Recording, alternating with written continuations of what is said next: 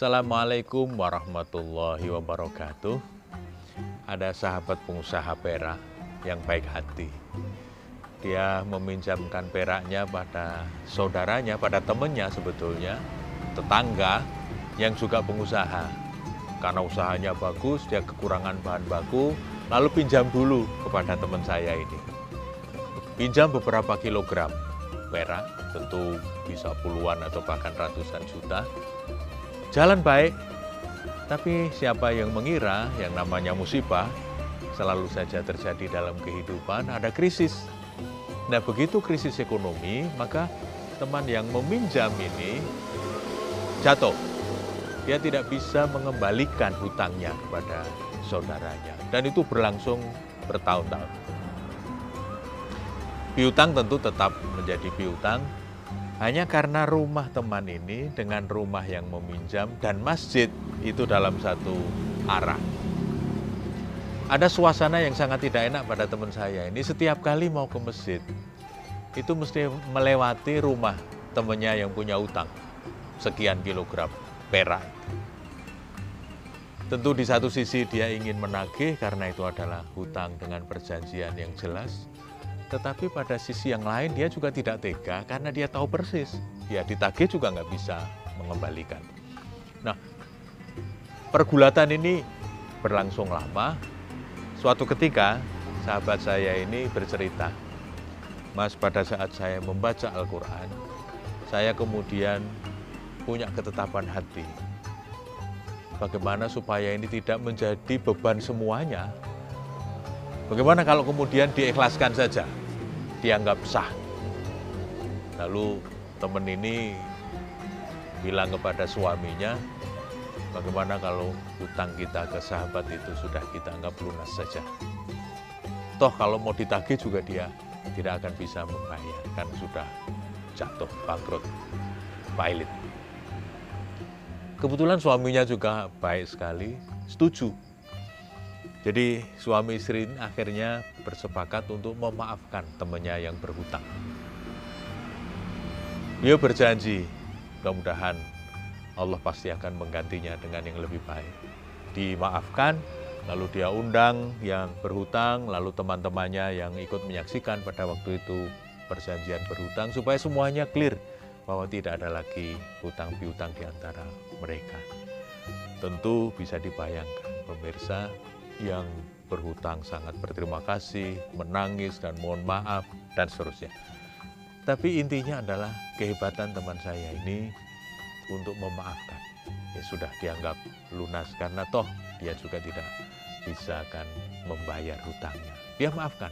Nah ternyata setelah dimaafkan itu teman itu cerita, hati saya ini merasa lebih damai, lebih plong, saya merasa nggak lagi ada beban, kalau ke masjid lewat rumah dia juga nggak, nggak ada perasaan bagaimana, bagaimana. Karena semuanya sudah dianggap lunas, sudah dianggap plong. Nah itu tadi adalah salah satu ciri orang yang bertakwa. Wal afina. Itu yang dikatakan Allah dalam surat Ali Imran ayat 134. Orang yang sudah mampu untuk memaafkan orang lain. Sebetulnya tidak hanya memaafkan orang lain, tapi juga ada permaafan yang satu lagi, yaitu memaafkan diri sendiri. Karena soal maaf, memaafkan ini bisa memaafkan orang lain, tetapi juga bisa memaafkan diri sendiri.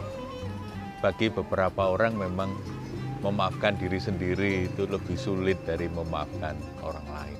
Apalagi kalau dia punya sejarah yang tidak bagus, maka sejarah ini akan sering menarik mundur hampir semua yang mirip dengan peristiwanya di masa lalu. Sehingga menjadi kesulitan untuk memaafkan dan move on, bergerak ke depan untuk melakukan hal-hal baru yang lebih positif.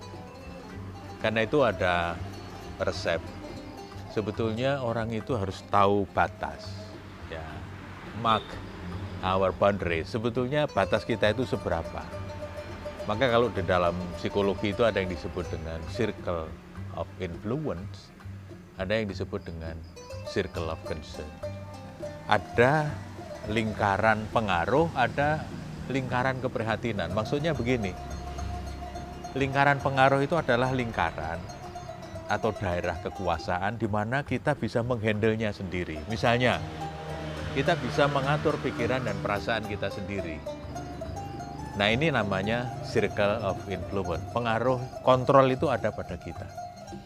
Tapi ada lingkaran lain yang disebut dengan circle of concern. Yang kita hanya bisa ikut prihatin, kita hanya bisa ikut berharap, dan itu kita tidak bisa mengontrolnya. Misalnya pikiran dan perasaan orang lain. Nah maka orang yang sulit memaafkan itu biasanya karena kita maunya semua orang itu sama dengan kita, ikut pikiran kita, ikut perasaan kita, ikut harapan kita. Dan dalam kenyataannya tidak selalu begitu yang terjadi. Maka yang diperlukan latihan adalah kita tahu batas-batasnya, di mana kita bisa mengontrol, yang tidak bisa dikontrol, ya sudah, dilepas. Maka kita harus belajar untuk bisa menerima realitas. Kalau misalnya ada orang yang tidak suka dengan kita, ada orang yang berbeda pendapat dengan kita, ada orang yang berbeda pilihan dengan kita, ya itu kita tidak bisa mengontrol karena itu pikiran, perasaan masing-masing. Nah yang kedua, kita eliminate Emotional attachment artinya apa? Kita eliminasi ikatan emosional yang berlebihan pada sesuatu. Jadi kalau seneng itu ya nggak usah kebangetan. Gitu. Kalau benci itu ya nggak usah kebangetan. Ya wajar-wajar saja lah. Orang itu semua ada plus minusnya. Karena kalau kita senang dengan seseorang berlebihan, itu nanti kalau yang kita senangi itu bermasalah, kita menjadi sedih sekali. Atau sebaliknya, kalau kita membenci seseorang, padahal ternyata yang kita benci itu tidak seperti itu, kita juga akan menyesal. Kenapa dulu kita seperti itu? Nah, maka saran Rasulullah Muhammad SAW kepada sahabat Uqbah bin Amir. Jadi dulu ada sahabat yang namanya Uqbah bin Amir itu minta nasihat kepada Nabi. Nah, salah satu nasihatnya yang bisa dijadikan pegangan adalah wa'fu aman dolamaka maafkan saja orang yang pernah mendolimimu. Nanti bisa dilihat di dalam Musnad Ahmad, juz 4 halaman 159. Statement itu tegas sekali oleh Rasulullah. Kita diminta untuk memaafkan orang yang pernah mendolimi kita. Bukan hanya yang berbuat tidak menyenangkan, tetapi bahkan pernah dalam tanda petik itu menganiaya atau mungkin berlaku tidak adil pada kita saran Nabi maafkan saja. Karena apa? Dengan memaafkan itu kita menjadi lebih damai, lebih sehat, bisa lebih optimis. Dan kemudian hati ini menjadi longgar karena tidak diisi oleh pernik-pernik, dendam, sakit hati, dan seterusnya. Karena itu memaafkan itu bukan berarti melupakan, tetapi mengganti sakit hati dengan ampunan suci. Assalamualaikum warahmatullahi wabarakatuh.